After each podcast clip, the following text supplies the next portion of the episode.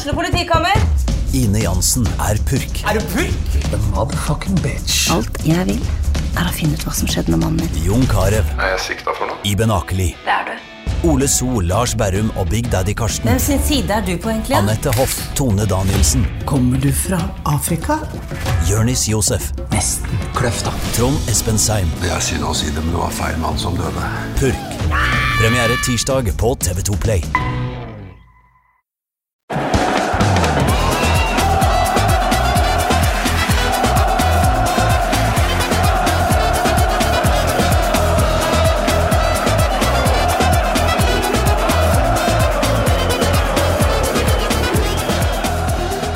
Bonjour og velkommen til en ny episode av Pyro og Pivo. Mitt navn er Morten Gallaasen, og med meg i dag så har jeg, som for ikke så veldig mange uker siden, deg, Paul Thomas Clay. Velkommen tilbake.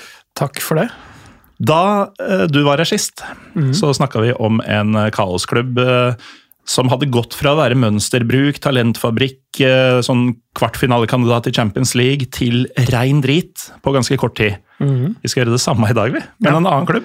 Ja, det, det, det er forbløffende eh, likheter her, mm. må, jeg, må jeg si. Altså, det er eh, eh, på, på relativt kort tid òg. Imponerende kort tid, egentlig. eh, har det gått rett i dass med Ja. nok et mønsterbruk. Ja, for begge to har jo Jeg kikka litt på dette før, eh, altså de siste dagene, eh, og det er en del likheter eh, mellom historiene her, eh, som vi helt sikkert skal komme til. Men eh, først så må vi jo adressere eh, Carlsberg-elefanten i rommet. Ja, Eh, Og det er jo at eh, ting er litt annerledes denne høsten.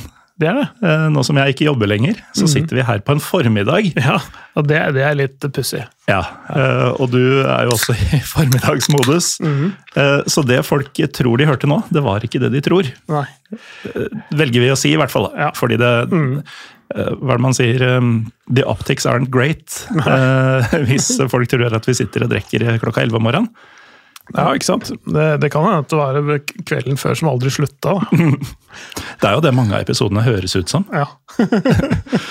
Men eh, det der var altså en Coop Sprudle. Sprudle. Og eh, ikke bare det, men du du hadde glemt noe i dag eh, da, du, da du sa ja til å bli med på podkasten. Ja, eh, jeg er med eh, på en sånn endagskonferanse i, i regi av Likestillings- og diskrimineringsombudet. Mm -hmm. uh, Det er en håndfull. Det er en, det er en munnfull, faktisk, å si det, det helt ut uten feil. Og plett og lyte. Men det som, det som er, det, det handler om eh, om eh, rasisme i idretten, det handler om uh, skeive idretten, det handler om funksjonshemmede i idretten i, i grovt sett. da. Altså idrett og likestilling og um, diskriminering. Uh, så jeg hørte på en innledning fra uh, ombudet sjøl. og ikke minst idrettspresidenten. Ja. Eh, og det det som, er, det som er litt uh, synd, men det ligger sikkert i opptaket et eller annet sted etterpå, så jeg får sett det, men det er at det jeg går glipp av ved å være her, eh, er eh, nemlig om jenter i idretten og frafall eh, og grunnene til det. Um, eh, som er et, et, en stor, stor utfordring da, for idretten. Og det som jeg syns er litt fint med det, det er at eh, en av foregangsforetakene, eller klubbene på nettopp likestilling innenfor fotballen, er den klubben vi skal til. Ja, ikke sant? Jeg lurte på hvor du skulle med det. Ja. Du begynte å prate om eh, frafall eh, fra damer i idretten. Og det Ja. jeg syns er fint med det, Ja. jeg trodde det bar mot en sånn herre, er at de har jo faen ikke noe på en fotballbane å gjøre.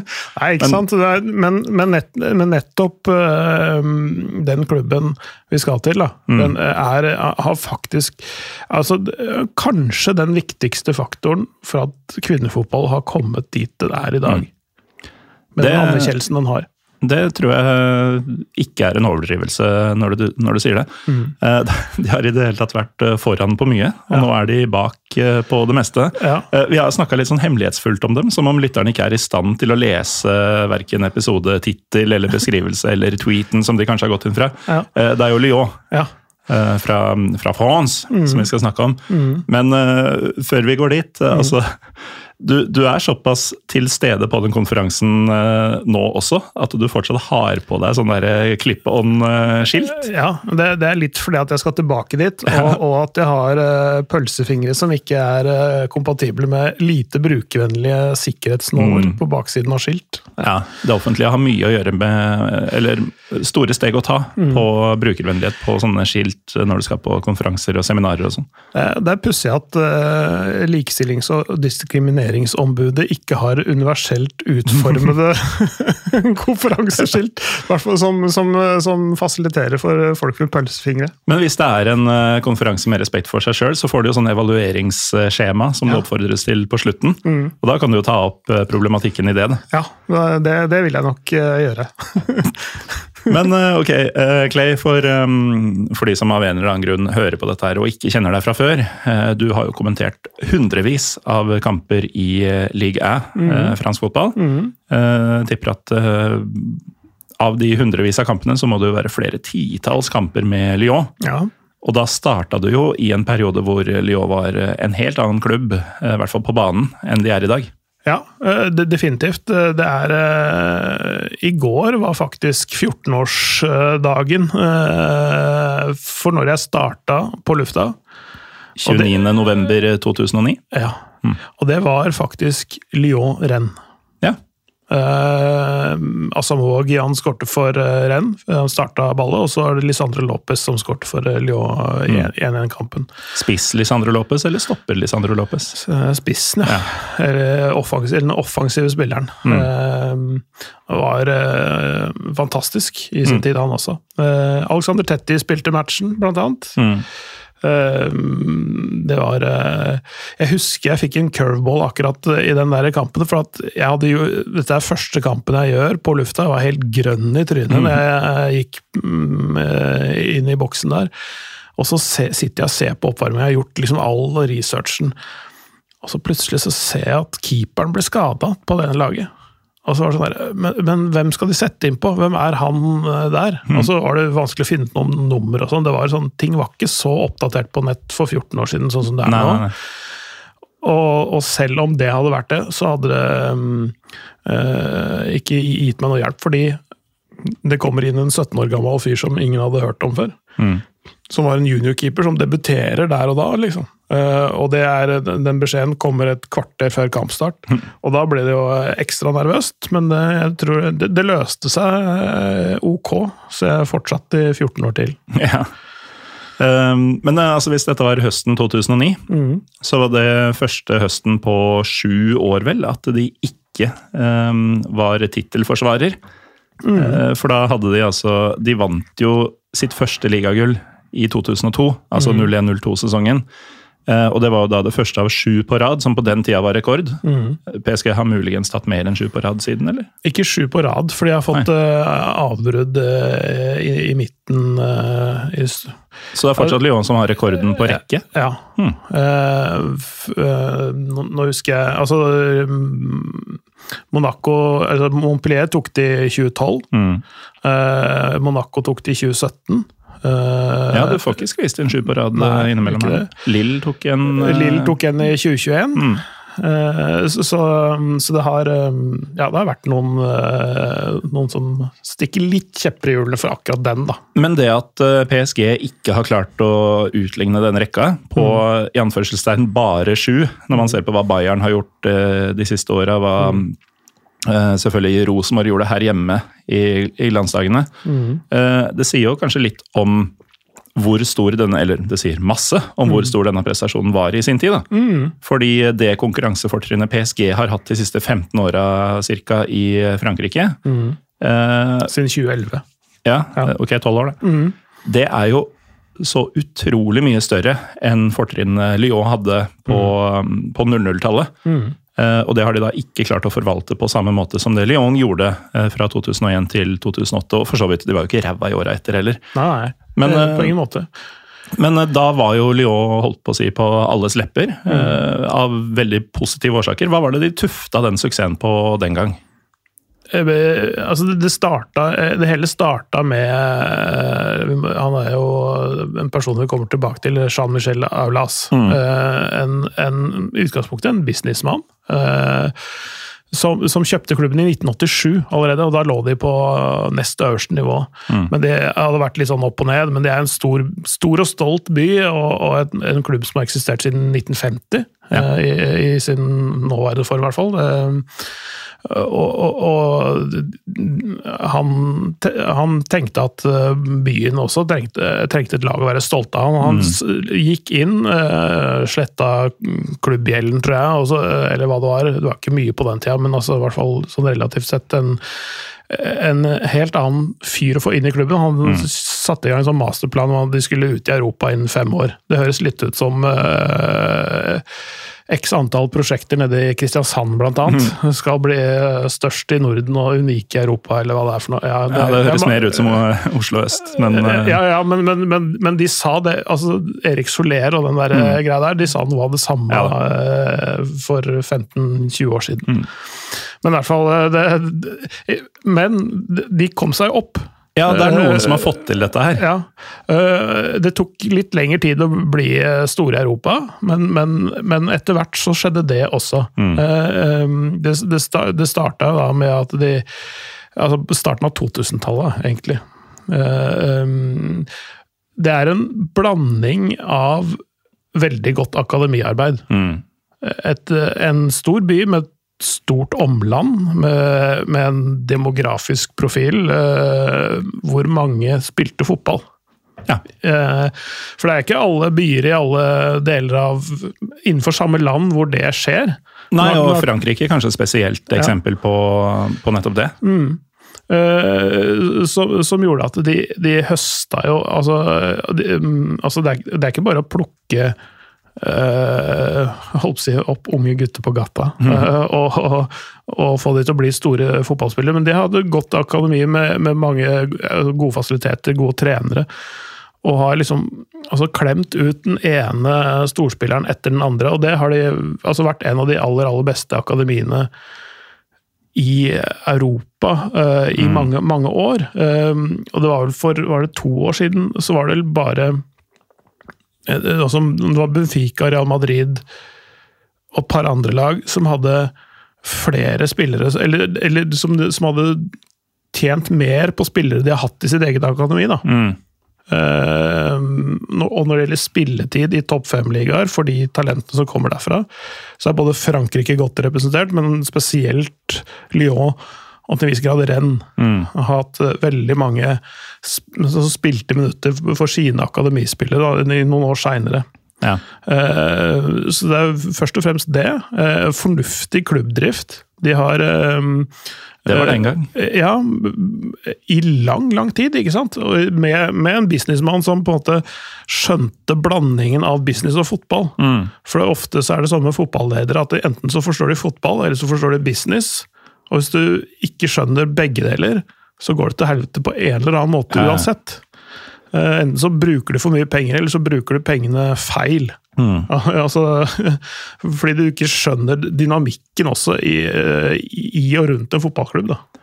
Nei, ikke sant. Um, og da har vi vært litt inne på akademi og viktigheten av det, og bare sånn for, uh, for folk som er nye på dette her. Um, Karim Benzema for eksempel, mm. kom vel gjennom dette akademiet. Mm. Uh, Lacassette det samme, Nabil Fikir. Um, utrolig mange andre. Hatem Ben Norfa må, ja. må jo også kunne si var en del av det der i sin tid. Mm.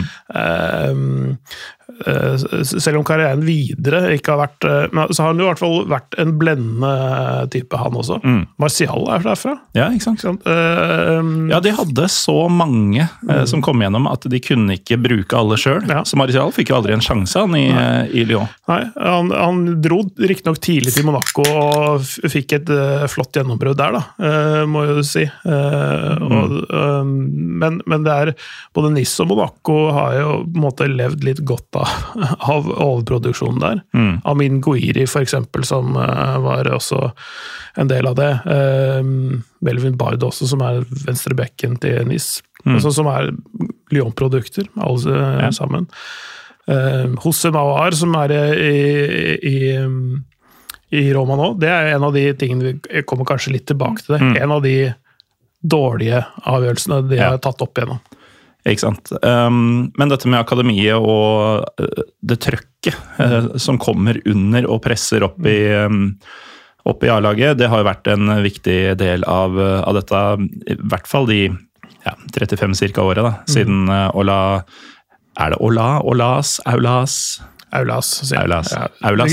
Ja, vi, kan, vi sier det for enkelhets skyld. Ja, eh, siden Aulas kom inn. Um, og jeg vet ikke hva som kom først, men uh, kallenavnet til eh, klubben det oversettes jo rett og slett til Barna. Barna. eh, Legon. Um, I hvert fall på den eh, franco-provansalske dialekta som eh, dominerer i området der. Ja. Eh, og bare før vi går, eh, går videre, så mm, siden du har nevnt det et par ganger, svær by. Mm. Eh, det er jo den, eh, så vidt jeg kan se, på det mm, aller første som dukker opp når jeg søker. Mm. Tredje største byen i Frankrike når det gjelder innbyggertall, bak eh, Paris og Marseille. Men eh, eh, det, mm, altså, hvis- du sier Stor-Lyon, da, eh, Lyon og omegn, så går det faktisk forbi Marseille. Eh, områdene rundt er mer befolka mm. enn områdene rundt Marseille er. Mm.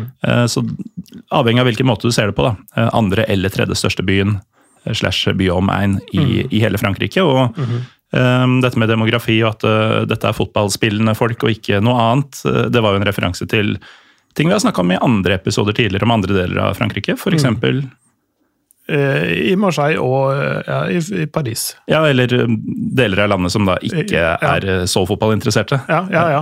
ja, ja, ja. Bordeaux, for eksempel. Bordeaux-Toulouse. Mm. Eh, Toulouse som for øvrig er fjerde største byen. Så det, man kan være eh, viktig i mange sammenhenger i Frankrike uten å spesielt, eh, være spesielt eh, stor fotballby. Ja, absolutt. Eh, Men da Lyon var på sitt beste, så var det jo ikke bare egne kids. De visste jo også å krydre med Ja. en og annen import. Ja, de, de, hadde, de har hatt en, en Altså en, en klar strategi. En klar sportslig strategi hele veien der med å ha godt med påfyll. Det, altså det skal, men det er ikke nødvendigvis det eneste beinet de har å stå på.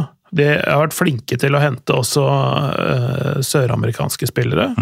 Eh, innimellom uh, noen europeiske som har holdt på der lenge, altså eller som mm, får sitt gjennombrudd der. Og så har de Men de, de har ikke vært falt for den derre som en del klubber gjør inntil nylig, å, hente veldig sånne gamle spillere.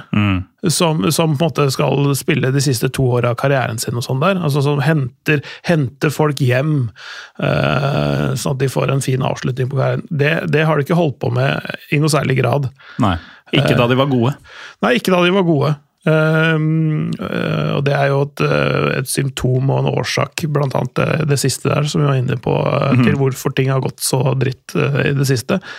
Men uh, Kim Kjellstrøm for eksempel, var en stor helt der i lang tid. Ja. Eh, Mira, Mira Lempjanic kom inn uh, der som 18-19-åring. Han var med i den første kampen jeg kommenterte for 14 år siden. Ja.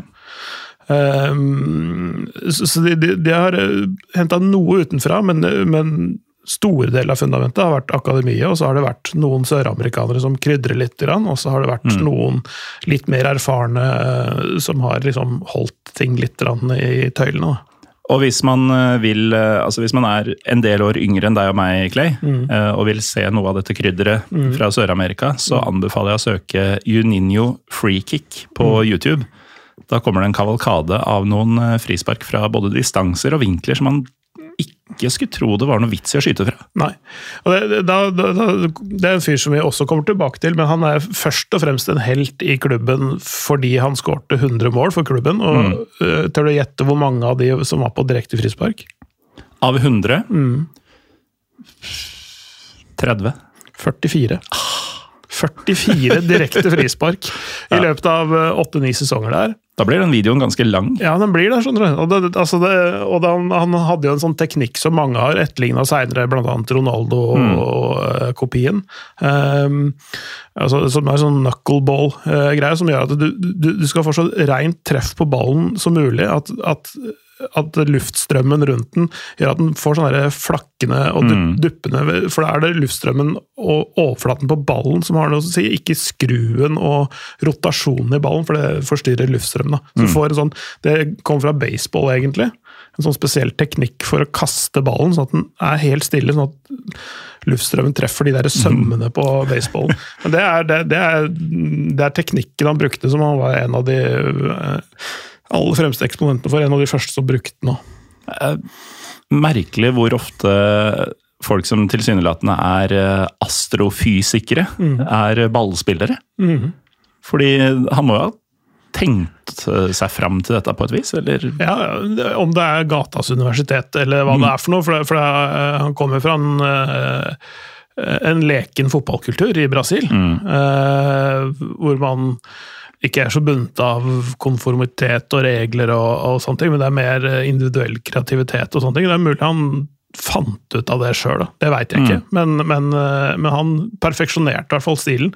Det er en sånn derre elleville frispark fra en sånn spissvinkel som du ser blir slått kjempehøyt, så du tror den går to meter over, men så dupper den. Mm. Og så eh, ramler ned det bakerste kryss, liksom.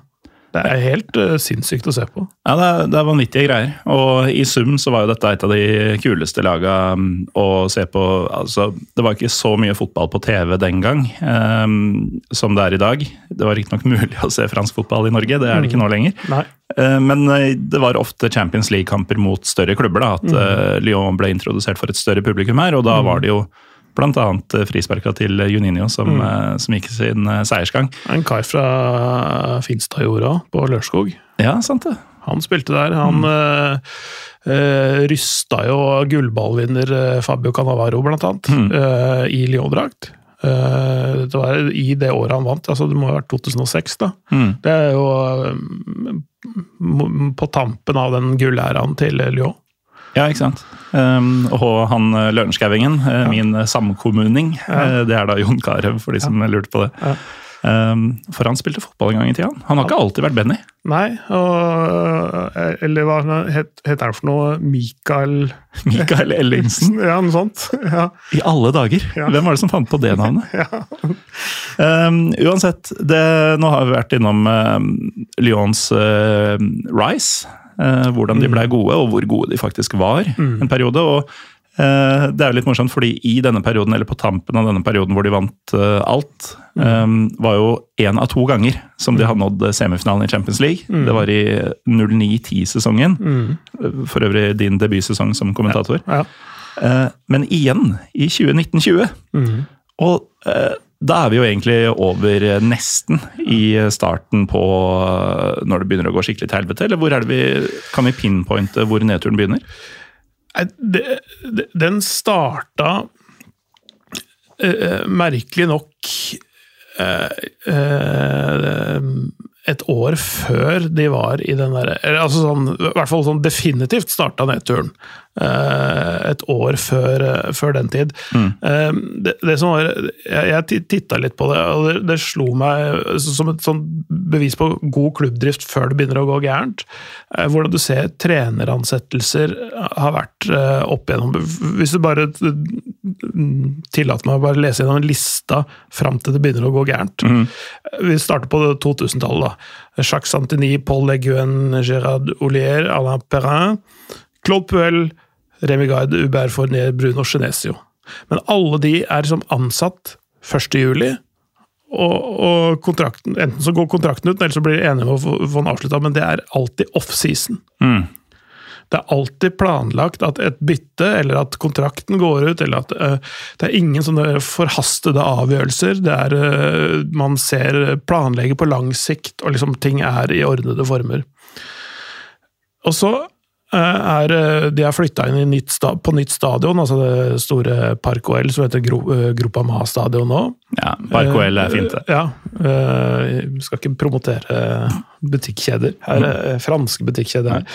Men, men, men det, det som skjer da, eh, skjer det er at uh, Jean-Michel Aulas han begynte å selge seg litt ned i klubben. Det er andre eiere inne, og, og tenker vel at han, når han bikka 70, at han kanskje skal la andre eller utvikle klubben til å bli en enda mer moderne klubb. Da. For han har vært på dette gamle stadionet sitt i over 30 år, og, og nå må de ta det inn i en ny æra.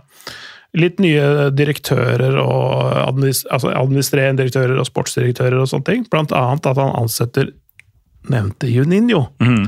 frisparkhelten, som ikke har noe erfaring fra å være sportsdirektør, men han kjenner klubben, har et hjerte for klubben.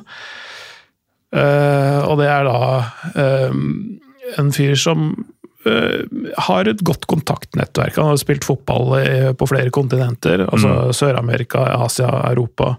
på det aller øverste nivået. X antall landskaper for Brasil. Og så skal det ansettes en ny trener.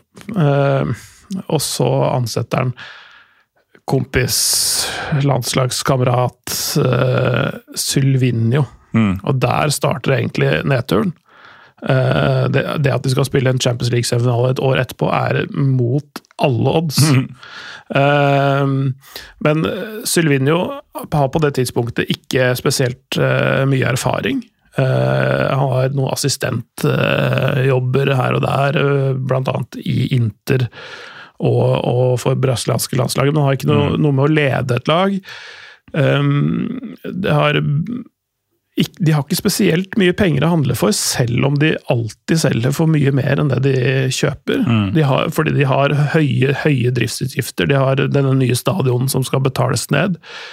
Så, så, så de, de, de, bom... Det vil si, de, de, gjør noen ok ting på, på spillmarkedet, men, men eh, men eh, det er ikke alt som, like, eh, som skinner like godt sånn i, sånn i ettertid. Mm. Altså de, de, de, henter f.eks. Uh, uh, Lucas Paqueta og Bruno Gimares uh, og uh, det som på det tidspunktet vel blir ansett som Nei, det, det kommer seinere. Men i hvert fall på det tidspunktet så var det de, de som ble henta. Det er noen ting som skjer, men og han vinner de første to kampene. Så Monaco 3-0 vinner 6-1 eller sånt nå i kamp nummer to. Mm. Og så går det sju kamper hvor de ikke tar en eneste seier. De spiller ikke bra. Uh, spillerne hører ikke på treneren, eller det er misnøye med mm. det. Uh, resultatene kommer ikke, og da må du ta din hatt og gå. Altså ja. etter ni kamper den, den sesongen der. Mm. Og da, da, har jo på en måte uh, troverdigheten til sportsdirektøren også fått seg en kraftig knekk, ikke sant? Ja. Uh, um, uh, hvem er det som Og det er interne stridigheter, for det har vært som sagt bytta direktører, og så er det, kommer en uerfaren sportsdirektør inn, og uh, man er uenig om de langsiktige linjene og de kortsiktige oppgavene som ligger foran seg, hvordan man skal mm. løse de tingene. Hvor det er huller i stallen, f.eks. Det er sånne ting. Type man skal hente inn. Så eh, da ryker treneren, eh, men han får faktisk kloa i, i en av eh, de mest meritterte, men litt kjedelige trenerne. Men veldig solid Rudi Garcia. Mm. Får ansatt han en uke etter at Sylvinia har fått sparken. Og det, på kort sikt så, så funker det. Uh, gjerne det første året er veldig bra med Rudi Garcia. I Roma så var det også sånn. Ja. Bra første året, ikke fullt så gøy etterpå. Ikke så veldig bra første året i Napoli heller. Nei, men, men uh, han er avslørt mm. nå. Men, men, uh, men, han har vært god mange steder, og, og spesielt i starten av periodene. Ja. men Napoli er en liksom litt annen ballpark enn alle andre klubber. Han, eh, han, eh, han eh, klarer ikke å gjøre sånn underverker med det i serien. For når serien stopper opp i, i mars i 2020, mm. så ligger de på sjuendeplass. Uh, og, og, det er en plass de egentlig beholder uh, sesongen ut, holdt jeg på å si. For der, i Frankrike spilles den ikke ferdig. De fordeler De, de gjør et sånn poengsnitt på de kampene de har hatt til nå, og så beregner de liksom sluttabellen ut fra det. Men, uh, men, det er i hvert fall det som skjedde da. Så de mm. ender opp på sjuendeplass. Du får egentlig ikke europaspill Nei. neste sesong. Nei, for det var det jeg skulle si, at uh, du skal ha veldig skeiv tabell eh, for at en sånn snittutregning blir veldig uh, annerledes Ja, enn det. den faktiske tabellen. Jeg jeg skjønner heller ikke metoden uh, at den er så veldig hensiktsmessig eller rettferdig, eller hva det er for noe. Nei, måtte jo vært om noen lag hadde spilt sånn to-tre kamper færre enn andre lag, eller eh, noe sånt. da. Men, men de, de, de var jo liksom på, på vei, litt på vei oppoveren når dette skjedde, og, og, og det var utvilsomt gode kvaliteter i det laget der. Ehm, eh, masse ungt talent som var på vei opp gjennom også uh, Kakere og, og Rayan Sjerki og sånne ting, som var på vei inn der. Hose Mawar var etablert. eh, eh, egentlig et eh, veldig spennende lag. Eh, og de klarer seg jo altså Europafotballen ruller jo. Mm. Så de, så de spiller seg jo da fram når turneringen tas opp igjen eh, i juni, var det vel. Eh, og- spiller seg da fram til en, en eh, semifinale i Champions League, den der Final Four-greia nede i Portugal. Mm. Og, der, så der, mm, og det er jo helt fantastisk. og det, Selv om nedturen allerede har begynt, så oppnår de en av sine største øyeblikk, faktisk. Ja, for det var som sagt ti år eh, siden forrige gang det nådde så langt i, i Champions League. og det kan jo hende at eh, noen rundt klubben tenkte at nå begynner vi å nærme oss der vi skal være igjen. Men Ja, eh, For selvbildet var, var, var høyt, men, men, det, men det var liksom noen sånne tiltak de hadde gjort som bare mer hadde lappa av problemene, eh, enn at de faktisk hadde gjort noe fundamentalt eh, annerledes. da. ja, det var som å ta Paraceten fordi du har vondt i huet, i stedet for å drikke vann og sånn i forkant for å hindre at du får vondt i huet. Ja, det er litt sånn. Eh, spise godt og liksom ha en sunn plan. Sove, no sove nok òg. Det er mange ting de ikke gjorde, eh, som gjorde at de havna der de, de endte opp. da. Ja, og bare sånn for å For at folk skal skjønne hvorfor vi snakker om Lyon akkurat i dag. Etter alt det vi har snakka om nå, om eh, masse seriegull på rad, masse stjernespillere, selger for store summer hele tida. Um, Champions League-semifinale så seint som for tre og et halvt år siden. Per i dag så ligger Lyon sist Aller sist. aller sist i ligaen. Uh, og de ligger da bak Nå er det ikke så mange Jalla-klubber i, i ligaen denne sesongen. Nei, ikke det? Eh, så det er ikke sånn at jeg kan ramse opp liksom uh, Gazellec og sånn. Men uh, Clermont, for eksempel, de Ja. ligger foran Lyon akkurat nå. Ja, alle lagene i ligaen ligger foran. Lyon. ja, men det var det mest obskure av, av dem. ja. jeg- Men ja, alle ligger foran. Um, og det er jo da spilt uh, ca. en tredel av sesongen. Lyon har vunnet én kamp. og vi gjorde jo en sånn her episode om Ajax uh, for ikke så veldig mange uker siden. De har jo faktisk skjerpa seg betraktelig siden den gang. Ja. Det er en hengekamp bak eh, sjette, femteplassen i, Ja. i æresdivisjonen. Ja, de har rett og slett begynt å vinne kamper, men det så like ille ut for dem eh, sportslig mm. da vi hadde en episode om dem eh, som de gjør for Lyon nå. Men jeg klarer ikke helt å se for meg at Lyon skal få en tilsvarende kjapp eh, opptur. Nei, fordi det som, det som skjedde i Ajax, det, det var jo det at de, de gjorde et trenerbytte, og så kom oppturen. Mm. eh, det som er med Lyon, de har allerede gjort et trenerbytte denne sesongen. Ja. Treneren som har tatt over, har én seier på sju kamper. Og er eh, muligens as we speak i møte med klubbeier, som vi går tilbake til også, John Texter. Ja, for uh, Olas er borte. Olas er borte, og det er jo litt av det som det kommer etter semifinalen i 2020, men det kommer før uh, i dag, da. Ja. Um, og, og det er at ja, det, De er nå på sin andre trener, som kanskje får Kanskje de, han får fyken mens vi sitter her og prater. Det er uh, høyst reelt. Eh, stakkars Fabio Grosso, som prøvde så godt han kunne. Det eneste han ender opp med, er et arr i øyet. Eh, som takk for prestasjonen, holdt jeg på å si. Han, men de, de ligger et godt stykke unna å, å komme seg opp på hesten igjen. Fordi mm. det er allerede nå murring rundt Fabio Grosso som trener. Eh, han har mista garderoben, det er, klisjéuttrykket, men altså han, han eksperimenterer for mye. Han prøver, han liksom setter ut uh, sto, sto, store spillere som Lacassette og sånne ting, for han vil prøve andre ting, fordi det funker ikke med Lacassette, selv om han skårte 30 mål forrige sesong.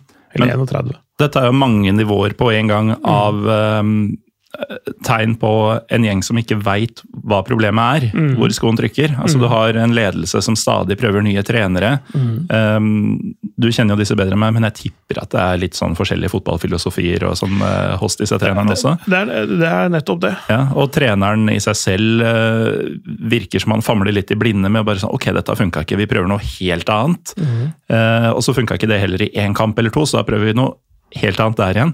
Det er jo ikke tegn på noen som veit veien ut. Nei, det, og det, det, det som var med Aulas, han var, han var den sterke mannen. Han var både president og administrerende direktør, men nå har du en president som er mer opptatt av dommeravgjørelser i Brasil, sies det, istedenfor å være til stede på kamper i, i, i Lyon. Eh, han har en, eh, vel en administrerende direktør som ikke har noen bakgrunn fra fotball overhodet. Eh, de har en sportsdirektør som, eh, som, kommer, som faktisk har hatt sam, litt av samme funksjonen i Marseille, men som da ikke er kjent for akademiarbeidet sitt. En sportsdirektør som ikke kan akademiarbeid, har ikke noe, har ikke noe å gjøre i Lyon, for å si det sånn. For Det er liksom noe av, noe av det klubben er tuftet på. Mm. Altså, har, altså det er sånn der blind leder døv-type ting eh, i, i styre og stell der.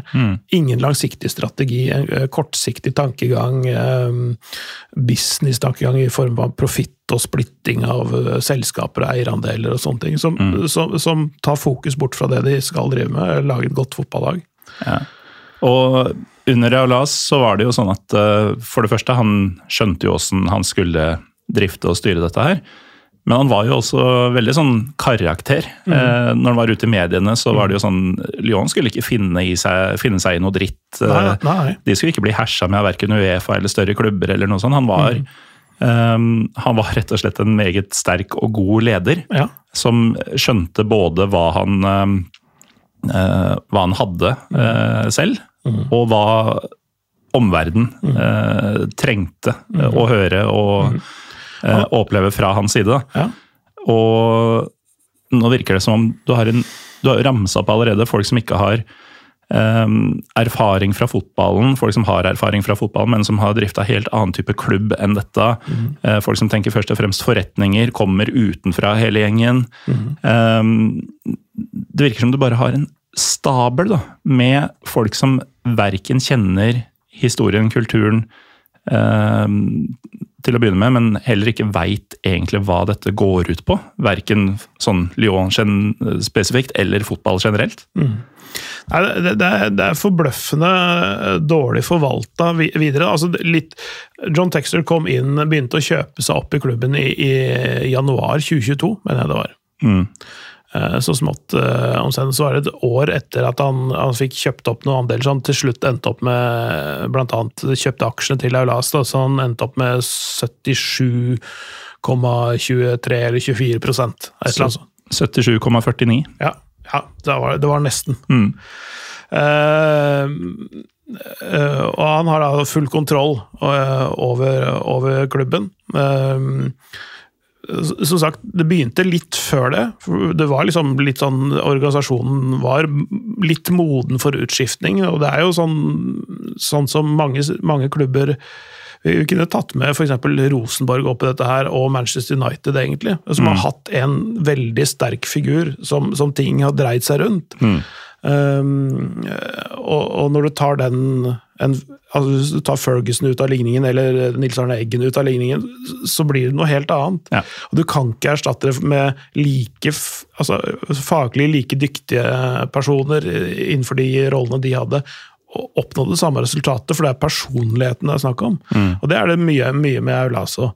Organisasjonen rundt har vært bra, men ting har gått fordi han har liksom holdt sin hånd over det og, og styrt og, og ordna. Og det å få inn en ny, god businessmann, det er ikke det samme.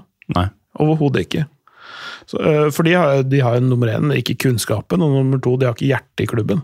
Og det er, det, det er nettopp det Aulas har hatt. Et veldig sterkt øh, sånn personlig øh, forhold til klubben.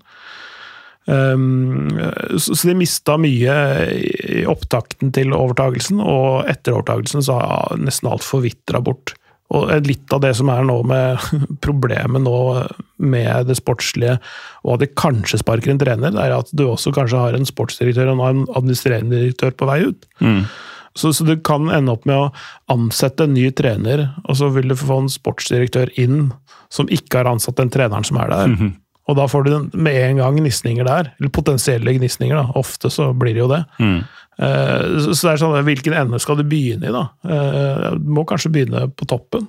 Uh, og så altså erstatte administrerende med noe som kan det, sportsdirektør med noe som kan det mm. håndverket.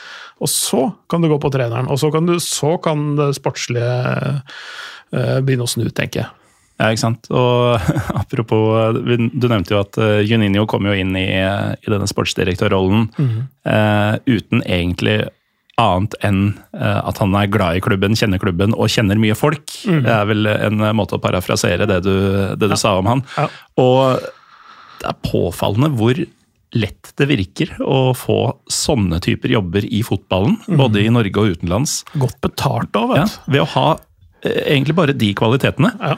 Har, eh, det er ingenting som tilsier at Juninho skulle være en god sportsdirektør. Altså, det er ikke en mm. jobb du bare kan hoppe inn i og lære Nei. der og da. Ja, det, det, er nesten motsatt òg. Mm. Altså, det er sånne det er spillere, eller sånn folk med et godt renommé bør gjerne altså de, de, må gå en ekstra lang vei, føler jeg, for at de faktisk skal fortjene de, de, de rollene der. Mm. Heller enn å få den kortere veien. Junino ble da utbrent da et år etterpå, det, nei, to, to, år etterpå. Høsten 2021 eh, så, så orka han ikke mer. Så han, han forlot den jobben, og det i forkant av overtagelsen også. Mm. Så da Texter begynte å kjøpe opp aksjer, så hadde de jo ikke en sportsdirektør. Nei. Eh, så det er jo en del av pakka, det òg. Det er det jo. Eh, og altså, utbrenthet eller hva det skulle være, at eh, han ikke skulle vare lenge, det kunne sikkert noen fortalt før, før det kom til både ansettelse og, og det som har kommet etter. Men mm. Hvor i, hvor i, landskapet er vi nå, Clay, når vi skal fortsette fortellinga om uh, Lyons fall? Ja, Rudi Garcia som sagt klarte, klarte da um, Eh, Champions League-semifinalen. Uh, underpresterer sesongen etter. Eh, så han, men han gir seg da på etter at sesongen er slutt, og mm. det er sånn nesten litt rart. Det var jo murring utover hele våren der, men de holdt noe ved han. Så, så Peter Boss, vår venn fra, fra, både nederlandsk og tysk fotball, han blir satt, satt inn av, av Juninho som sportsdirektør. Mm som er igjen dette med langsiktig strategi, spillestil, eh, filosofi osv. Du hadde Silvinio, som er en bra brasilianer uten trenererfaring, men som er, er litt skolert i italiensk taktikk gjennom sin jobb i Inter, men er mm. først og fremst brasilianer som vil ha massivt offensiv fotball. Så får du Rudi Garcia, som er veldig sånn konservativ og skal ha kontroll og ikke våger noe som helst. Mm. Så har du Peter Boss, som har sånn bånn gass-fotball. Ja. Veldig i lengderetningen. Skal ikke ha kontroll på noe? Nei, altså de skal, det, det, det, er nesten mer sånn, sånn kaosteori, på en måte. Nesten mm. det der. Uh, og det funker jo sånn Hva skal vi si, sånn passe. Eh, men ikke sånn veldig godt. Så han, eh, så han eh, sitter én sesong og, og, litt til. Mm. Det, det, var liksom Det starta ganske bra, i hvert fall første halvåret, sånn sett under ett. Så begynte det å falle litt fra hverandre igjen. Det er jo sånn med lag som er veldig gode til å angripe. Det er ikke alltid de er veldig gode til å forsvare seg. Eh, og, men de ga det en sjanse en ny sesong, og det varte til starten av oktober mm. 2022. Så da, da røyk han. Eh, og så kom eh, gamle eh, en, en, fyr som hadde god erfaring fra både banen som trener, men han var jo da den som tok og vel ødela seiersrekken til Lyon i, i ligagull som trener for Bordeaux, hvis jeg ikke husker helt feil. Mm. Uh, Marwan Shamak og hele pakka der, sånn. Uh, det var litt av en gjeng. Ja. Laurent Blanc var jo da som tok over. Mm. Tidligere landslagssjef òg, men han, det var jo da når han tok over, så var det jo 12-13 år siden han hadde hatt en klubbjobb. Mm. Så det, det, det, det klubbtrenermiljøet, eller hva skal vi si, klimaet han var vant til, var utdatert. Ja. Det er en helt annen virkelighet eh, nå enn det var for bare de år siden. Bare tenk på teknologi og alt som er implementert i, i ting. Um, utvikling på treningsvitenskap, skader, forebygging, alt mulig rart. Alt det skal du håndtere i, i den miksen. da. Mm. Uh, få en viss grad av metrics inn i analysene dine og, og sånne ting. Og det, det, ikke, det funka ikke. Så, så han, eh, han, eh, han fikk et snaut år. Han fikk elleve måneder. Mm. Uh, igjen da uh, Klarer de ikke europaspill. Uh, spillere som selges og ikke erstattes med like gode spillere. Mm. Um, men allikevel så han får lov til å begynne på en ny sesong. Og så sparker de han uh, Ja, det var 11. september, ja. Uh, ja 11. september. Og så kommer Fabio Grosso inn Mm. som er en, eh, egentlig en fremadstormende trener. Han var juniortrener i, i Juventus og gjorde det veldig bra med Frosinone i, i fjor i Italia. Eh, og spilt i klubben tidligere også, så han har en liten sånn link til Lyon Ja. der. Kommer inn, men det, det skjer jo absolutt ingenting. Det, det, det blir nesten verre. Eh, nesten, altså det går ikke an å gjøre det så mye verre enn det Blanc gjorde, men, men allikevel, de, de har én seier da, på, på på de sju kampene han har leda de. Ja. Og det er borte mot renn, som i, i seg sjøl er sterkt nok. Men Mm. de er ikke, det er ikke et renn som eh, var det de var heller. Som har eh, skilt seg med treneren eh, denne sesongen. Mm. Um, så så um, det, Og det, det med en spiller de kjøpte fra Crystal Palace, som ikke hadde spilt for Crystal Palace engang. Jake O'Brien, han stopperen. Ja. Han ble matchvinner mot renn. Altså det, det sier kanskje alt om hvor Lyon Hvor langt Lyon er fra det Lyon man husker fra glansdagene. da. Når en fyr som heter Jake O'Brien er, eh, er en som får, eh, får spilletid. Ja. Eh, Men bare sånn, siden du nevnte Fabio Grosso og dette arret i øyet. Hvorfor har han pådratt seg et eh, arr? Eh, Det er jo disse eh, De som hører på, har sikkert fått det med seg, for de er sånn litt over gjennomsnittlige fotballinteresserte. Men det var, det var en kamp mellom Marseille og Lyon i slutten av september, hvis jeg ikke husker helt feil. Så må jeg se, husker helt datoen. Det er eh, ja, det, kan, det samme, samme kan det være. Eh, det, det, det var i hvert fall eh, buss, Spillebussen var på vei til stadion. Det var eh, 60 000 som satt eh, og venta på stormatch, Olympico. Clash of the Olympics, for å bruke den engelske oversettelsen. Og så pepres ja, spillebussene med steiner fra Marseille-fansen. Mm. flere ruter knuser, og en av de eh, steinene treffer eh, Fabio Grosso rett over øyet. Eller altså øyenbrynet, øyelokket, faktisk. Så, så han blir jo Når de får, bussen i sikkerhet, så blir han eh, dratt rett inn på sykestua der. Mm. Får fjerna glassplinter og sydd ganske mange sting over øyebrynet og ned på øyelokket, faktisk. Så han må jo ha en svær bandasje over øyet. Kampen blir naturligvis eh, utsatt. Den blir ikke fullført der, og det er jo en, issue i seg sjøl å få 60 000 misfornøyde folk fra Marseille til å gå hjem når de ikke har fått det de forventer. Ja, For å si det sånn, Marseille har også sin Kaosklubber-episode, Ja. hvis man blar bakover. Ja, og det, og det er nye kapitler i denne historien der òg. Ja, det er det. Allerede bare fra denne sesongen kunne det vært laget en episode. Men det, det, det er jo den, den storkampen da, som blir eh, ødelagt pga. det der. Ja, og, og Fabio Grosso bokstavelig talt merka for livet eh, etter det der. Um, jeg, var jo, um, jeg var jo i eh, Lyon uh, påsken eh, 22. Um, og Du nevnte jo Bordeaux også. De har, dem har vi jo også hatt en Kaosklubber-episode om. Skal vi bare lage en fransk podkast? Det hadde vært litt gøy. Ja. Um, men eh, det var altså sånn ca. april 2022, og Lyon var eh, ikke spesielt eh, bra. Um, og det var såpass, ting sto såpass dårlig til da, at supporterne, eller i hvert fall ultrasene, de boikotta kampen. Eh, motstander var Bordeaux. Og um, som sagt, det var ikke et bra Lyon-lag. Det var veldig lite trøkk på tribunen pga. den boikotten. Uh, men bare sånn for å si hvor, hvor ille det sto til med Bordeaux, så endte den kampen, hvis jeg husker riktig, 6-0 eller 6-1 Mm. til uh, Lyon. Foran uh, et publikum som ga litt faen, og uh, et bortelag som, som gikk ordentlig til grunne. Ja, det, det, er litt sånn Det som har vært litt sånn de siste åra, de, de, de, de presterer ikke under press. Altså det, altså det trykket utenfra har vært så svært at det, at det har blitt rett og slett litt for mye for de som er ute på banen der, tror jeg. Eh, For det er uh, utvilsomt kvaliteter i det laget der. Det er, um, selv om de solgte Lukeba og Barcola i sommer uh, til henholdsvis Leipzig og Paris, så, så, så er det masse kvalitet igjen. Jeg nevnte Kakere, som var helt enorm for tre år siden.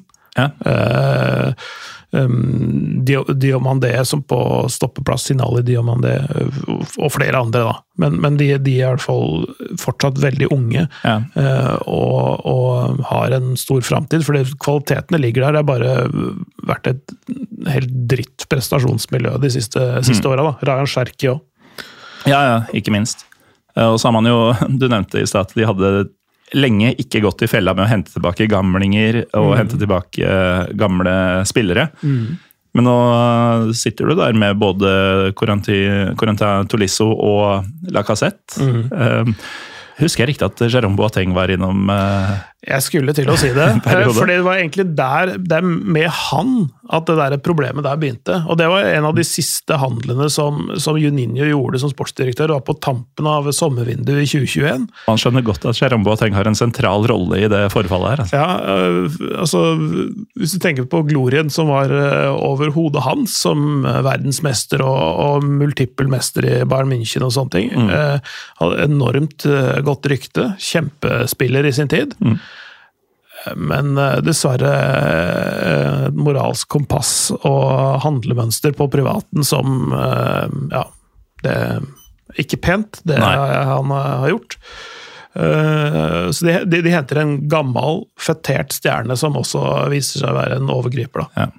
Rett og slett en god gammel drittsekk. Ja, eh, en av de verre eksemplene nesten også Mm. på, på det. Mm. så, så- så da, nå, nå hefter ikke det, det, det siste elementet der ved Tolisso eller Lacassette. Uh, Eh, de, de, de, de er bare um, veldig dyre i drift. Veldig dyre i drift. Uh, fordi de kommer, de kommer fra gode um, posisjoner og lønningsposer i andre klubber i andre land. Og, og leverer ikke noe i nærheten av det de burde. Mm. Altså Ressursbruken på de eh, er um, altså, Tolisso har jo dette evige skadeproblemet sitt, dessverre. Um, Lacassette, som sagt, litt sånn motstrøms, skårte over 30 mål i fjor. eh, For et lag som presterte dårlig.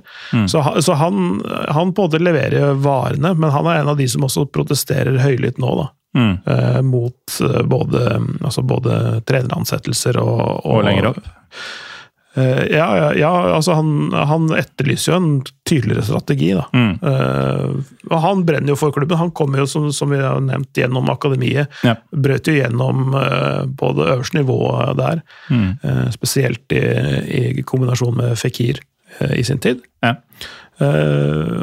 Hadde ja, vel litt opp og ned-karriere i Arsenal, må vel kunne si. Men han kom tilbake og, og har faktisk ikke gjort det så gærent, i hvert fall hvis vi ser på forrige sesong. Nei, og um, eh, apropos gjøre det gærent og ikke. Uh, vi har jo nevnt at de, de ligger jo sist, så akkurat nå gjør han det veldig gærent, men eh, bra sesong i fjor. Um, og virker jo å ha hjertet på rett plass, da, at han skriker ut av de riktige årsakene. Eh, men hvis man går inn på Transfermarkt, så er det jo sånn at du kan se en tabell over um, den anslåtte verdien av troppene i de forskjellige ligaene. Og ifølge den så ligger Lyon på åttendeplass, faktisk. Eh, som overraska meg Altså i Frankrike. i Frankrike, i ligaen. Eh, du har selvfølgelig PSG milevis foran alle andre, og så er det Monaco, Rennes, Marseille på de neste tre. Og så litt Nice, vel. Ja, jeg skulle til å si De som overrasker meg litt at er foran Lyon, da. I hvert fall når du har spillere som Tolisso og Lacassette på lista, og Dean Lovren for den saks skyld. Mm. Det er at både Nis, Lille og Lance mm. ligger eh, et godt stykke foran eh, Lyon i, i troppverdi, da, ifølge ikke kirurgisk presise, men relativt presise transfermarkt. Eh, og, og, og, og uansett, da, selv om jeg trodde Lyon var enda litt høyere, så er det jo altså, underprestasjon uten like, dette her. Ja, ja. Altså, de, de har jo folk som har spilt eh, VM-finaler fortsatt. Altså, mm. De er Lovren og, og, og sånn. Eh, men, men, men han er jo såpass på, på nedoveren. Eh, han ble vel kjøpt fra Zenit i, for et par år siden for to millioner euro, eller noe sånt, nå, så det, markedsverdien hans er ikke noe høyere nå. Mm. Uh, Douye Chaleta Sar, som er på lån. Han er ikke gammel, men han, er, uh, han har i prinsippet ikke uh, prestert siden han var i Marseille, faktisk. da. Uh, var jo innom Southampton, Mm. vel. Um, og, og Tolisso har hatt for mye skader over tid, så markedsverdien hans har falt. Og, og, og Lacassette er 32. Mm. Så, så, det er ikke så mye altså Av de som har bikka 30, så er det ikke så veldig mye restverdi igjen i det. Nei. Og de, de unge spillerne har ikke helt, helt slått gjennom sånn over tid, da. Nei, altså Cherky hørte man jo om eh, som 16-åring. Og med å si, den utviklinga som var forventa av han. Han skulle jo vært i Barcelona Real Madrid eh, nå. Ja. Det er han ikke. Nei, det er han, det er han ikke. Uh, og det er jo en sånn uh, det, det sier egentlig hvor sterk kulturen i klubben er. Eh, For meg i hvert fall så sier det det.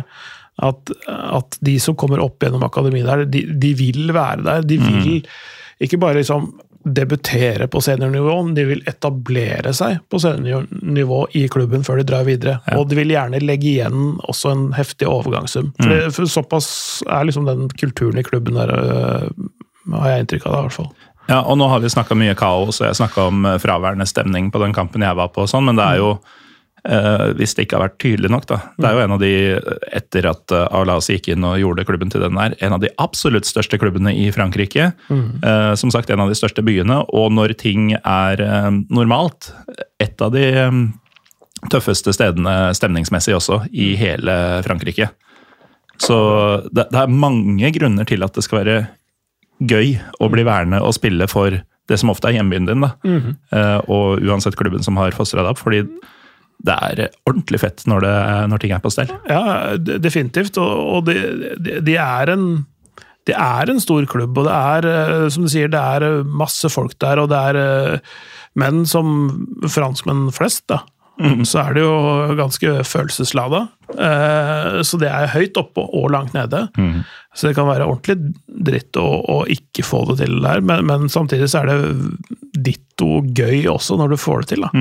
Uh, og, det, og det er en kultur for å få til ting der. Det er jo litt i ferd med å, å, å smuldre litt opp nå, men det er jo mulig å redde det inn òg. Men jeg er ikke sikker på om det gjøres med mm, nåværende eier og multiklubb-eierskap osv.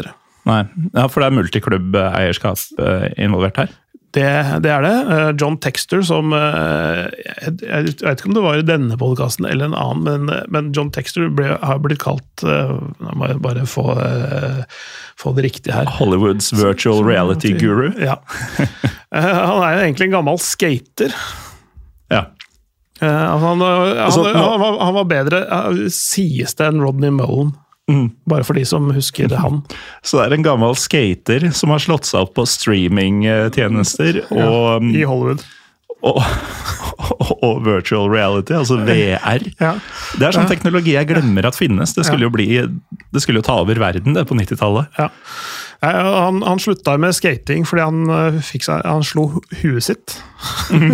Man gjør det når man skater. ja.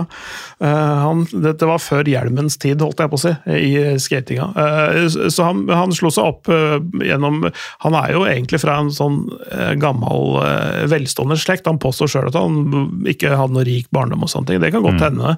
Men eh, fra den DuPont-slekta som var en av de rikeste i eh, Amerika på 1800-tallet og sånn, mm. sånn som eh, Krutt lagde de på den tida.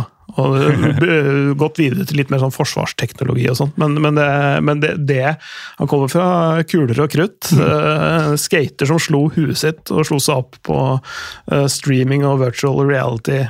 Jeg har jo noen andre podkaster på huset her, bl.a. Mm. Historiepodden. Mm. Og ganske nylig, jeg lurer på om det var denne uka faktisk, så kom det en episode om Napoleons første slag. Mm. Og da var det et sitat angivelig fra Napoleon, da, hvor han hadde sagt noe sånt som at uh, man kan overleve i flere dager uten mat og drikke, mm. men du kan bare leve i maks tre minutter uten krutt. Mm. Ja, ikke sant? Så ja. det var all the rage ja. på 1700-1800-tallet. Ja. John Texter har i hvert fall ikke vært eh, livsnerven uh, til Lyon. Han, han, han eide, eier en del av Crystal Palace i, i, kompaniskap med eh, flere andre Jeg husker ikke alle navnene på alle de, men, men mm. Eh, tre-fire andre. Uh, ikke majoritetsandel, men en, en, gjennom sitt Eagle uh, Football Group, eller hva det heter. Eagle, i hvert fall, heter det. Så mm. eier han en del av det. Uh, kjøpte seg opp, begynte å kjøpe seg opp i Lyon. etter hvert så kjøpte han seg også opp i Botafogo i Brasil. Mm. Og, og Molenbeek i, i Belgia. Ja. Og det er en Litt av problemet denne sesongen for Lyon har jo vært at de har eh, etter overtagelsen, når han ble majoritetseier, så, så måtte han som klubbpresident og leder eh, deklarere økonomien for klubben og planene videre for et sånn uavhengig overvåkingsorgan for, så, for, den slags i Frankrike. Og De er mm. veldig strenge. Det er mye strengere enn eh, sånn FFP-håndheving i alle andre land. Ja. Um, og han uh, prøvde å si at han hadde lagt ved dokumentasjon, og så videre, men de godkjente ikke det. Så de måtte ble lagt uh, strenge restriksjoner på hvor uh, mye de kunne handle for. De måtte egentlig selge for 80 millioner mer enn det de kjøpte for, og så videre. Og da snakker vi euro. Mm. så en milliard kroner mer mm. enn det de sol, kjøpte for. Eller de måtte selge for en milliard mer. Ja. og og det, det, klarte ikke egentlig å få inn før helt på slutten av eh, vinduet, når de solgte Barcola til eh, PSG. Mm. Da var de i mål sånn, men da var det for seint å kjøpe uh, erstattere. Ja, og hadde vel veldig dårlige kort på hånda som selgere. Mm. For det er jo ikke sånn at uh, dette skjer i et uh, et hemmelig rom. Nei, klubber rundt, som f.eks. PSG, vet jo veldig ja. godt at de trenger penger. Mm. De er desperate, de trenger å selge. Mm. Vi gir dem en drittpris ja. og gir dem ikke noe valg. Det var litt av problemet til, eh, til, PSG når de skulle kvitte seg med var det 15 spill eller noe sånt. Nå. Mm -hmm. Og da, da, er det ingen av de som går til markedspris. Ingen. Nei. Eh, men i hvert fall eh, De har slitt da, i forkant av denne sesongen her. Eh, blant annet altså, fikk de da henta Jacob Bryan fra Crystal Palace mm. uten spilletid i Premier League for en million euro. Ja, Fra samme eierskap som Lyon. Ja. Så, det, så det, det, det, var jo én ting. Men den, mm. den stygge multiklubbtransaksjonen kom jo litt seinere i, i vinduet. Og det er Ernest Nuama Eh, ghaneseren som spilte i Nord-Sjælland, mm. som gjorde det veldig veldig bra der. Var ønsket uh, uh, av flere ganske store klubber ute i Europa. Mm. Ender opp med å bli kjøpt av Molenbeek i Belgia, et nyopprykka belgisk lag, som da nesten gjør tigangeren på overgangsrekorden sin. Altså kjøper han for 25 pluss bonuser 30 millioner euro. Mm. Jeg tror rekorden deres tidligere var tre et eller annet. Så nå gjør det tigangeren der sånn. Men det som skjer, han, skal, han, setter jo ikke knottene i gresset i Belgia i det hele tatt. Han lånes direkte ut til Lyon, mm. som er en annen del av dette multiklubbeierskapet. Fordi Lyon ikke hadde lov til å kjøpe han pga. disse restriksjonene mm. og lønnsbegrensningene og sånne ting. Så han er jo da sendt via dette greiene her for å omgå regelverket. Ja altså, regelverket og dagens fotball. Mm. Uh, dette har vært en forferdelig uke mm. uh, med tanke på altså uh, Selv jeg har jo fått med meg straffesituasjonen fra PSG Newcastle, mm. som bare var sånn den situasjonen i seg sjøl sier litt om hvor fucka sporten har blitt. Mm. Blant annet da, pga. VAR, eh, mm. og så regelverk som endrer seg også for å mm. tilpasse seg VAR. og altså, Hele den der onde sirkelen der. da. Mm. Uh, I en kamp, og nå stjeler jeg litt fra jeg husker ikke hvem som skrev det på Twitter, men i en kamp da mellom et lag eid av eh, Abu Dhabi, mm. tror jeg det er Eller. Qatar er det, selvfølgelig. Ja, PSG. PSG. Ja. Mm. Eh, mot et lag eid av Saudi-Arabia. Mhm. Og så, mer eller mindre samme dag, så kommer disse greiene om at man vurderer sånne femminutters utvisninger for dommerprotester og effektiv spilletid. og Sinbin, som de kaller det. Ja. Ja. Eh, alt dette her skjedde jo i løpet av sånn 24 timer. Og så eh, sitter vi her nå, en dag eller to etter akkurat det der, og prater om uh, multieierskap og hvor enkelt det er å lure systemet når det gjelder FFP og sånn. Ja, Fotball er så dritt! Ja, det, det, har blitt det på mange, mange nivåer og mange plan. I forrige uke så var jo det um, avstemningen i Premier League om å kunne um, uh, Disse låneovergangene fra multiklubbsystemene, eller eh, som i praksis i dette tilfellet her eh, handlet om alle de enormt gode spillerne som er kjøpt til Saudi-Arabia, og som kan lånes tilbake til gjerne da saudi-arabisk eller saudi-eide klubber Ja. i, i Premier League. Og det er, sånn- det er spesielt eksemplifisert med Ruben Neves, som da angivelig skal til Newcastle i januar. Eh, og det endte jo opp med å ikke gå gjennom det forbudet mot dette her. Så da kan eh, altså, la, oss, la oss si da, Sheffield United, da, som er også saudi-arabisk eid. Jeg vet ikke om- hvordan de er knytta til PIF, eller om de ikke er det.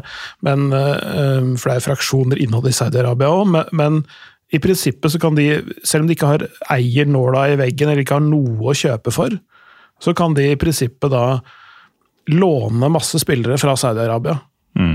Og, og ha et kanonlag. Og omgå regelverket på den måten. da. Fordi det er lov å låne inn spillere, men ikke kjøpe de. Ja.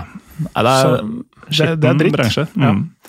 Eh, og noen som har det ordentlig dritt i denne drittbransjen nå, det Mm. er altså Lyon, som er helt ute å kjøre. Snakker om eh, at de muligens avsetter treneren mens vi sitter her Mm. og, og drikker eh, sprudlevann fra boks, eh, fordi det er såpass tidlig på dagen. Mm. Um, lite Lite som ser bra ut, altså generelt, fra topp til tå. Um, hva tror du at uh, Lyon må gjøre? Altså, vi har vært litt innom det. Uh, egentlig bytte ut alle fra øverste system og jobbe seg nedover. Men sånn her og nå, da. De har de spillerne de har i en måneds tid til før overgangsvinduet åpner. De kommer antagelig til å ansette en ny trener før det. Uh, er det noen sånne veldig tydelige punkter hvor du kan få en slags quick fix på banen? Nei, altså øh, det, det, det er jo få spillere som, som er på det nivået som de trenger, som har lyst til å dra dit. Mm. Det er litt av problemet nå, ikke sant? Eh, Det, det, er eh, Det ryktes at en, en, en fyr som kanskje faktisk kunne gjort en bra jobb, er Baptist Santa Maria, som, som eh, er i renn nå. Som er, har annet vært i Tyskland eh, og gjort det bra der. Eh, Han, han, eh, han er en veldig solid spiller, man får spille lite i renn, men han er sånn en, en er vel 29-30-ish. 28 nå. Ja, 28. ja.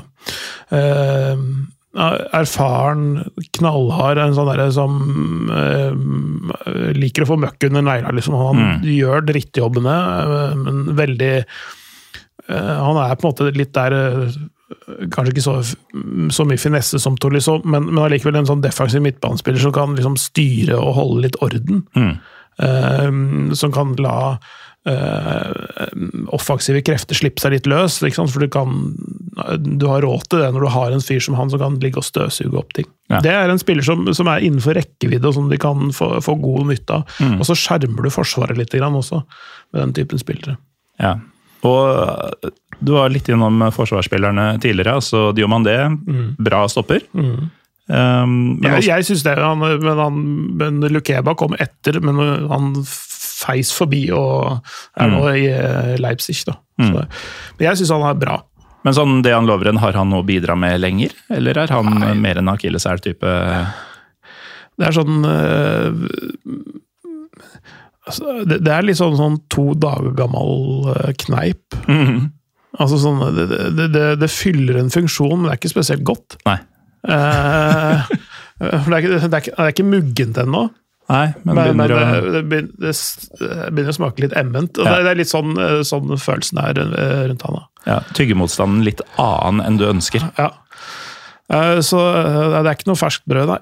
Det er det ikke. Eh, Så er, er, det er litt sånn eh, altså Kumbedi er jo bra, men han er 18 år. Mm. Uh, så har du jo ja, Jake O'Brien. Det er litt sånn vanskelig å si hvor god han egentlig er. Mm. Uh, Charleta Azar er egentlig en ganske god stopper, men, men han trenger en litt sånn tryggere, roligere variant ved siden av seg. Han har vært mye rundt uten å få verken ro og trygghet eller den utviklinga som Ja. igjen da, mm. man trodde man skulle se for noen år siden. Han er jo blitt 27 år, så han burde, han burde være en av de erfarne som på en måte kan ta litt tak, men, men uh, Han burde på- vært bunnsolid, han Ja, da. han er på lån, da. Mm. Så det er eh, Ja, det, det, det, det er litt sånn fragmentert. Eh, ingen tydelige ledere eller. Altså, Jo, for så vidt Lovren en leder, for han, er jo, han kom jo fra klubben før han dro uh, og spilte fotball uh, i England og, og Russland. Ja. Men så, altså, en eh, altså, Du må ha en skadefri, erfaren stopper. Eh, en skadefri, erfaren midtbanespiller, sånn defensivt. For de, altså Maitland Niles, for eksempel, spiller jo der. Ja. Eh, jeg tror Jeg har sett noen glimt av han. Det, det, det er ikke så verst, altså. Så det, kan, det kan være noe, men det er, er jo et dysfunksjonelt lag i en, som er en, en ordentlig det er En forferdelig stemning der. Og, og forover så har du da uh, Lacassette, som sagt, og, og, og Tino Cadevere, som egentlig er ganske god. Mm. Uh, Nuama, som er eh, ny, da. Ja. Ernest Nuama. Så egentlig ganske solid fronttreer. Ja. Ja, det vil jeg si. Uh, litt ungt, litt gammelt. Uh, ja. altså ny energi og erfaring eh, i, i skjønn forening. Ja. Så, så, så aldersspredningen er ikke så gæren. Eh, det mangler som sagt noen med mm, som er eh, kanskje litt mindre feinschmeckere, og som er litt mer sånn solide mm. Sånn klokke som tikker og går. Men eh, vi lovte jo eh, tidlig i episoden å komme tilbake til Hosem Awar-saken. Ja, eh, som et slags eksempel på hva som har gått gærent i klubben. Ja, eh, fordi, fordi eh, gjennom eh, alle år, som sagt, så har de enten henta spillere sånn i en tidlig fase av karrieren sin, eh, brukt lite penger på dem og solgt dem veldig dyrt.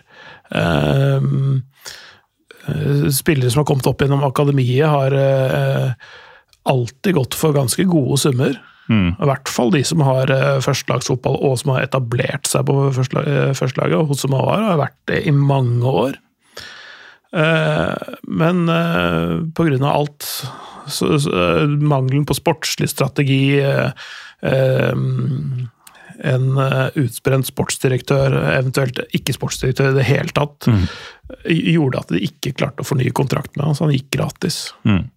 Og da var det jo et par år hvor um, det var både snakk om stagnasjon, det var noe krangling, han var inn og ut av laget. Det var Ja. ingenting som funka. Han skulle jo være den nye kronjuvelen, han skulle være den nye Nabil Fikir. Ja, og han, han var det eh, lenge òg, vet du. Mm. Men han eh, altså, Men igjen, det var eh, skiftende trenere, skiftende strategier, skiftende tankeganger om hans rolle og plass i laget. Alle skjønte at de måtte bruke han, men det er ikke alle som klarte å få det beste ut av han. Han er litt ikke fullt så kjapp selvfølgelig som eh, Mbappé, og sånt, men han er helt klart det best med et utgangspunkt på venstresiden. Og skjære innover i banen. Eh, Gjerne den venstre vingen i en 4-2-3-1. Altså sånn, yeah. Ikke nødvendigvis en, en, en, en ving i klassisk forstand. Ikke Ryan Giggs. Nei. Um, litt mer den inverterte rollen som han er så, det er så mo- motriktig å si noe. Ja. Eh, men, men en offensiv midtbanerolle hvor han jobber fra venstre og innover mot midten av banen. Der, der er han aller best, men han ble liksom plassert litt mer sentralt, litt mer tierrolle, som er Fikir-rollen, egentlig. Og, og til og med brukt som en slags indreløper. Eh, enten som en av de to i en 4-2-3-1, eller som en indreløper i 4-3-3. Det har ikke funka like bra, syns jeg. For da, for, du, for da må man bruke mer krefter og energi på å jobbe og plassere seg sånn taktisk riktig, istedenfor å bruke det på kreativiteten sin. Og um, i dag så er kanskje de to um, fremste representantene for dette akademisystemet som har kommet gjennom og kanskje blitt eh, litt lenger enn de enten burde eller var forventa. Det er jo tidligere nevnte Rayan Cherki, eh, som har bikka 20 nå, og Maxanska Maxans Kakiré på, på sentral midtbane der. Eh, Cherki litt sånn samme type som eh, Awar på sett og vis, eller? Ja. Eh, Kantspiller offensiv midtbane, helst venstre. Ja. Eh, enda Enda skal si, sånn råere frekvens i føttene. Altså, Han er veldig, sånn der, veldig sånn kjapp i, i føttene, og også veldig teknisk. Og og mm, kan finne på en sånn, sånn type X-faktor-greier. da. Er Litt mindre slepende enn det eh, Awar er. Awar er litt mer sånn der, hvis du kan kalle det en delikat og presis pasning, mens Ryan Scherk er litt mer sånn at han, å, jeg visste ikke at det gikk an å slå en pasning der. Ja. Litt mer den, Selv om det ikke nødvendigvis alltid er like presis, så er den sånn, det er litt mer det er nyanseforskjeller, men det ligger litt der. da. Men eh, det er, jo, det er jo kvaliteter i troppen, som du har vært inne på. Um, et par soleklare mangler som de kan gjøre noe med i januar, mm. som du har eh, pekt ut. Mm. hvor god sjanse tror du Altså, kommer de til å rykke ned? Det, det, er alltid det derre ja, De er for gode til å rykke ned. Nei, de er ikke det. De er, eh, de er eh, der de er av en grunn. Mm. de har eh, For nå har de jo redusert til 18 lag i Frankrike. Det, før så var det jo 20, så nå er det 34 kamper denne sesongen. Og det, det er jo mindre enn det de er vant til. Det er første sesongen det er sånn. Ja. Um, så de har uh, 22 kamper uh, å komme seg opp på. Det er ikke håpløst. også med to, med to seire og andre lagstap, så er de sånn sub midt på tabellen. Eh, men, men, eh, Og da, da er de eh, kategorien til Montpellier og Marseille, for eksempel. ja, Som eh, ja, også har svake sesonger. ja. Selv, selv, om, eh, selv om eh, Montpellier har en knakende god spiss, da. Mm. Han er fin. Ja, han, han, han er nesttoppskårer i, i ligaen. Altså det er Mbappé leder med 14. Mm. Akor Adams på 7. Ja. Han har to foran eh, tre stykker som har fem. Mm. Så, så han, eh, han har gjort det veldig bra. Det er han. Eh, forbausende bra. Mm. og eh, jeg har jo sett en del av måla han har scora, eh, hvor det har sett ut som han har flere ting i verktøykassa enn det vi så i Norge. Fordi det var litt sånn der, Det var noen av oss som mente at ok, første touchet hans er ikke helt all verden. Altså, han er ikke den mest tekniske, men han er utrolig giftig i boksen. Mm. Men han har jo hatt sånn Det ene gangen han skåra to mål, husker ikke hvem det var mot, men da demper han ballen Han får en lang pasning i bakrom. Demper han rundt stopperen, som bare blir borte, og så triller den i hjørnet. Ja. Det sånn, det hadde han aldri sånn- gjort. Det hadde han ikke sånn- gjort mot Ålesund. Det er sånn Anri-type skåring, ikke sant? Ja. Ja, det var kjemperart å se på. Ja. Um, Det er litt, det er litt sånn behageligere klima nede i eh, Sørvest-Frankrike enn det er på Romerike, tross alt. det er kanskje der det ligger. Ja. Eh, Men i hvert fall, jenta gjenta til det kjedsommelige, Lyon ligger helt sist. Riktignok en kamp mindre spilt enn Clermont på plassen foran, men såpass mye dårligere målforskjell at de antagelig vil ligge sist, selv om de vinner den. Og nå er det jo dessverre ingen som viser fransk fotball um, i Norge. Ja, Om de skal gjøre det, så er, det, så, så er jeg klar, jeg. ja, ja du, du tar den jobben. Ja, ja. Eh, Men eh, i helga, eh, på lørdag, så skal de spille borte mot Lans. Som jo har vært på en tilsvarende opptur over flere år, men som har stanga litt mer denne høsten. ja. Det er vel ikke der det snur, kanskje? Eller gjør det det? For Lans fikk virkelig gjennomgå i, i London. Ja, de Jeg var overrasket over at ikke norske aviser brukte de morsomme titlene som de alltid har snakket om når det gjelder det franske laget der.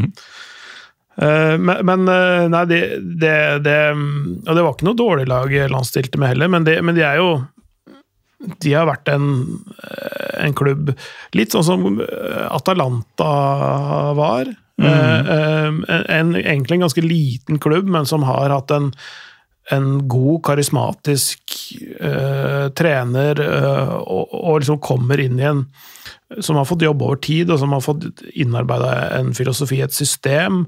eh, hvor det bare altså hvor det er lettere å liksom erstatte spillere som forsvinner. eh, hvor, hvor systemet er viktigere enn spillerne, men allikevel finner finner gull gjerne i, i spillere som har prøvd seg flere andre steder og ikke lykkes. Mm. Eh, Men som slår til i under, under sånne mm, forutsetninger da, som er i disse klubbene. Seko Fofana er kanskje det aller aller største eksempelet i lands. Ja, tror du kan stryke 'kanskje' fra den Ja, setninga også. ja.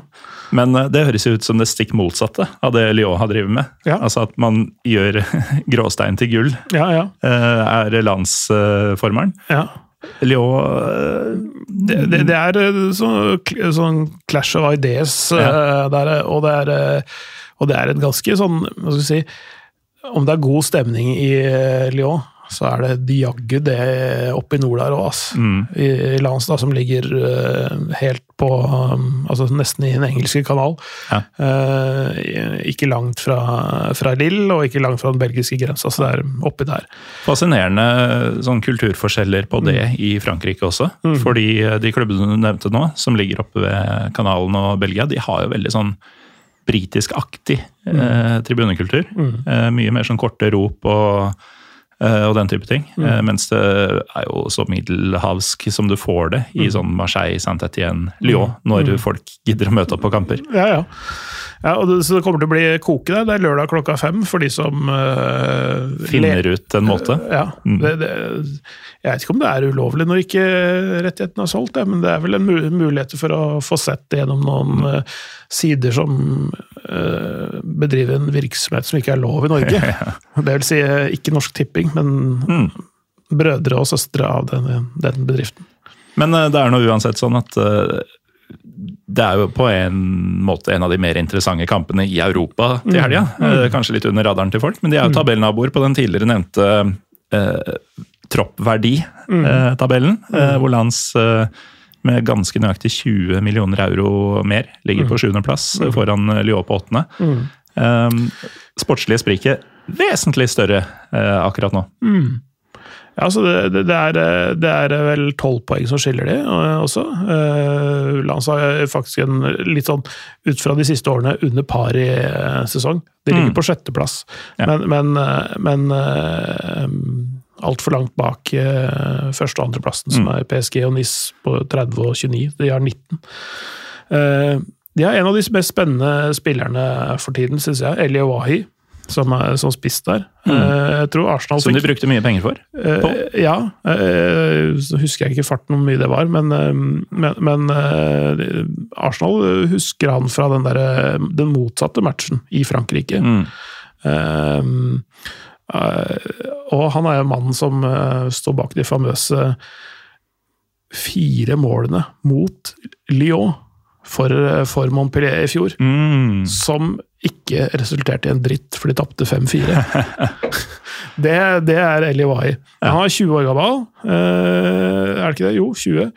Um, ikke all verdens i, i, i uh, Lyon denne sesongen, men, men uh, et nytt lag, et nytt system, litt andre forutsetninger. Lans. Ja. Mm. ja, for Montpellier i fjor. Ehm, nei, uansett ehm, Vanskelig å se for seg at det er eh, der at eh, Lyon-skuta skal snu, men vi må nesten begynne å runde av, eh, Clay. Er det noe vi har glemt å si om eh, situasjonen i Lyon? Um, det, det, er, det, er, det, er liksom, det, er så, det er så mye som kan sies at vi, kan sikkert, vi, vi kan lage en ny episode. Ja. Si sånn. Men vi, kan, vi kan jo si det vi var inne på i starten. da. Jean-Michel Aulas Mm. som den sterke mannen i klubben, som brakte eh, det kvinnelaget til uh, Lyon opp og fram. Mm. Eh, bare for å runde av det, for det er jo en positiv ting i det hele. Nå er det jo eierskapsdiskusjoner rundt kvinnelaget også. Å selge de ut av gruppen, og det er en, eh, en annen amerikansk investor inne i bildet. Men jobben Jean-Michel Aulas gjorde med kvinnelaget til Lyon, fullintegrere de i klubben, gi de like forutsetninger og muligheter, gjorde at de var nesten totalt dominante i fotball-Europa i, i nesten et tiår. Ja.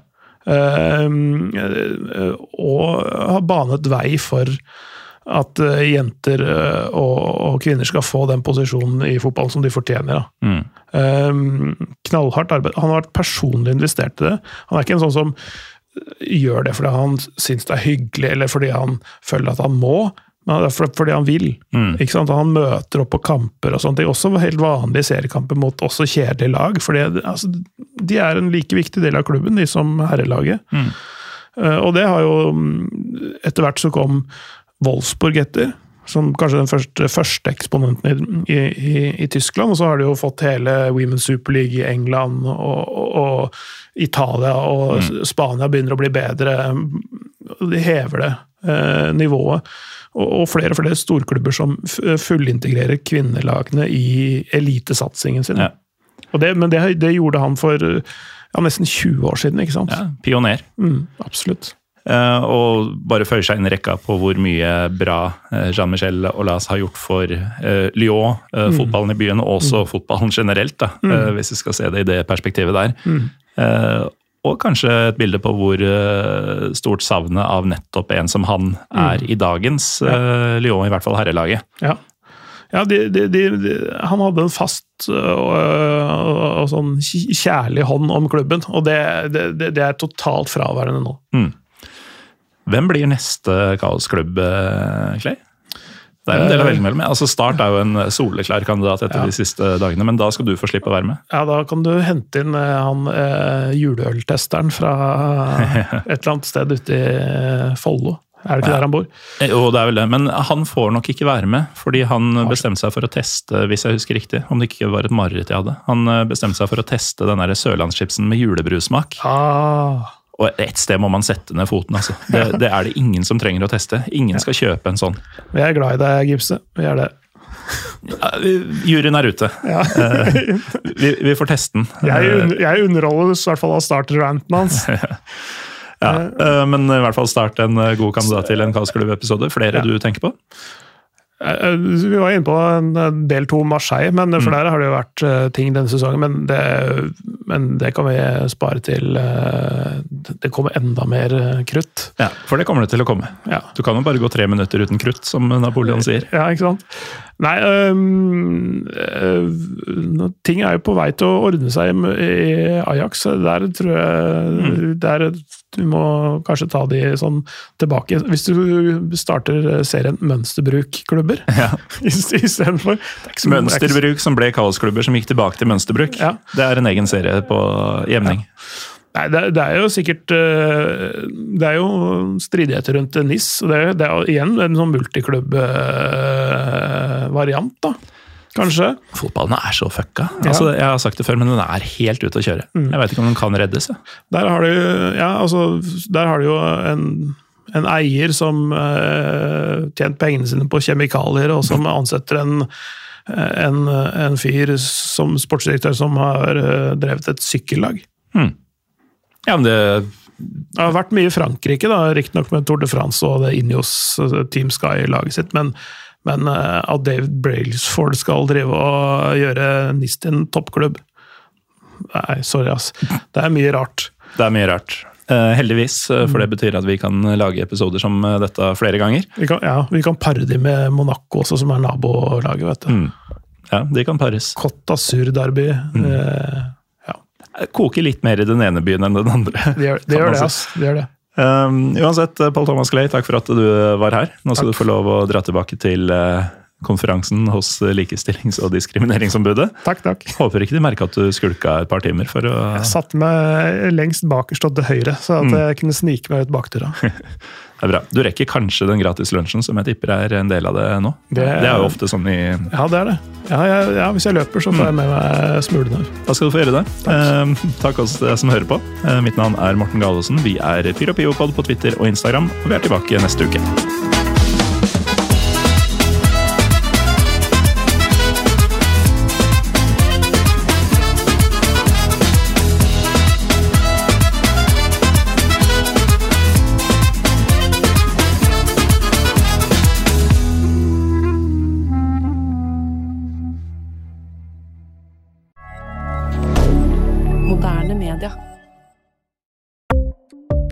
Ukens annonsør er HelloFresh. HelloFresh er verdens ledende matkasseleverandør og kan være redningen i en travel hverdag. Mange av oss har nok vandret i butikken både sultne og uten en plan for middagen, som ender med at vi går for de samme kjedelige rettene gang på gang. Middag burde være dagens høydepunkt. Som Hello Fresh kan du nå velge mellom 25 ulike retter hver eneste uke, eller få Hello Fresh til å sette sammen menyen for deg. Dette gir deg muligheten til å prøve nye og spennende retter alene eller sammen med familien. Du velger antall porsjoner og får alt levert på døren på et tidspunkt som passer for deg. Oppskriftene er enkle, og maten er lett å lage både for store og for små.